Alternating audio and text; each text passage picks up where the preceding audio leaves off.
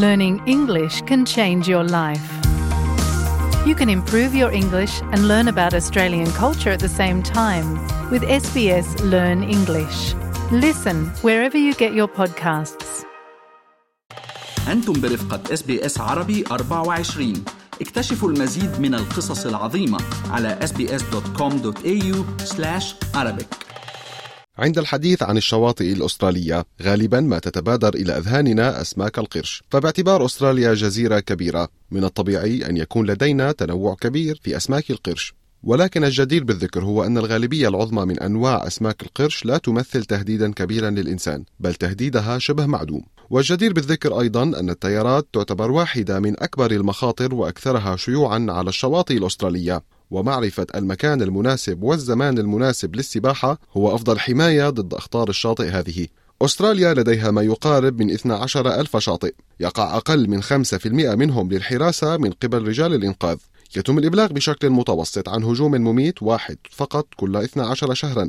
مقارنة بمتوسط 122 حالة وفاة غرقا في نفس الفترة الزمنية. وكثيرا من هذه بسبب التيارات الشديدة. شين داو هو المدير العام للسلامة الساحلية في Surf Life Saving Australia التي نفذت عشرة آلاف عملية إنقاذ العام الماضي. Rip currents are our number one hazard on our beaches, so they account for almost 25%, so a quarter of all drowning deaths around Australia, and we believe that number to be higher However, this is based on the numbers which have been witnessed. So last year we had 141 coastal drowning deaths, so a tragic number. About 36 of those were attributed to rip currents. التيارات الموجهة أو ما يعرف بالريبس عبارة عن قنوات مائية قوية تتحرك في الاتجاه المعاكس للأمواج وتجذبك بعيدا عن الشاطئ.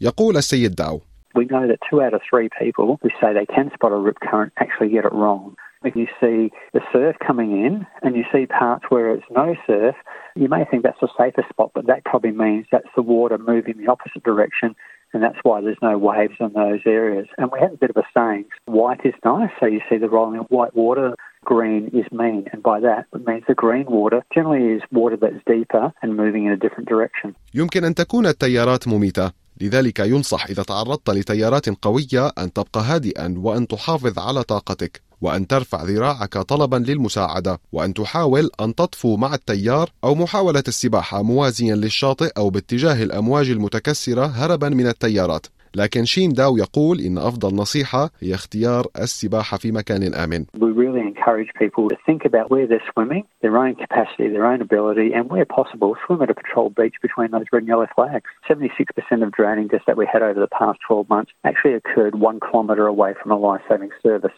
So the key message for people is when they're heading to the beach, no matter who you are, look for a patrolled location. So the red and yellow flags signify a safe area where surf lifesavers or lifeguards are going to be patrolling that area, supervising it, and that way if you get into trouble, you know, they can help you out. على عكس حوادث الغرق على السواحل فإن هجمات أسماك القرش غير شائعة ومتفرقة الدكتورة فيبي مار هي مسؤولة الحفاظ على الحياة البرية في جمعية تورونغا للحفاظ على الحياة البرية تملك قاعدة بيانات حوادث القرش الأسترالية التي سجلت تفاعلات أسماك القرش منذ عام 1800 Australia has the second highest number of total bites in the world. The first is the USA, and we've actually risen to an average of nine bites a year between 1990 and 2000, up to 22 bites a year from 2010 to 2020.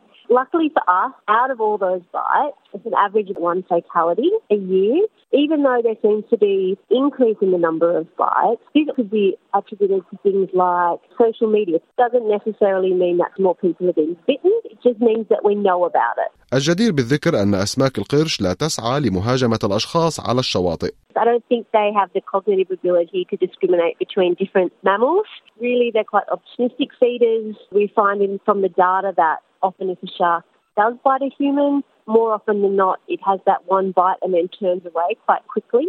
It's more likely that you're in the wrong place at the wrong time. And to the shark's perspective, it doesn't matter if it's a human or a seal or a turtle. في الواقع قلة من أنواع أسماك القرش تشكل خطرا على البشر كما يقول مارسيل جرين مدير برامج أسماك القرش في نيو ساوث ويلز There's nearly 400 species of sharks, and of those few hundred species, there's really only three species of concern to us in New South Wales.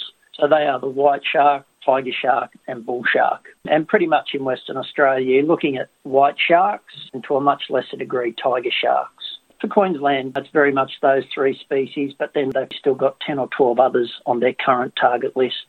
تهاجم بعض الأنواع من أسماك القرش أحيانا خاصة إذا تم استفزازها قد تخطو بالخطأ على سمكة قرش السجاد مستلقية في قاع البحر يقول جرين إن أسماك القرش الأخرى غير خطرة نسبيا لا سيما عند مقارنتها بالأنواع الثلاثة التي يصعب معرفة وجودها.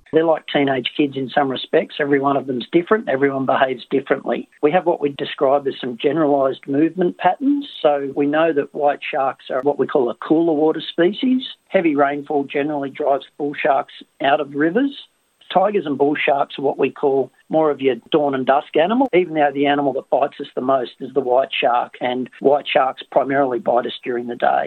تتوفر المعلومات في جميع أنحاء أستراليا عبر تطبيق SharkSmart في نيو ساوث ويلز وويسترن أستراليا وكوينزلاند حيث تحدث معظم الحوادث. يتميز تطبيق SharkSmart المجاني بتنبيهات أسماك القرش ومواقع الشواطئ الخاضعة للدوريات كما يقدم نصائح السلامة حول ما يجب تجنبه. مثل المياه الموحلة أو السباحة أو ركوب الأمواج عند الفجر أو الليل كما يقول السيد جرين When you see lots of birds diving, that's a strong indication to you that there is a lot of bait fish in the water. Little fish means big fish, big fish means sharks. There's usually animals underneath the bait fish, which drives them to the surface.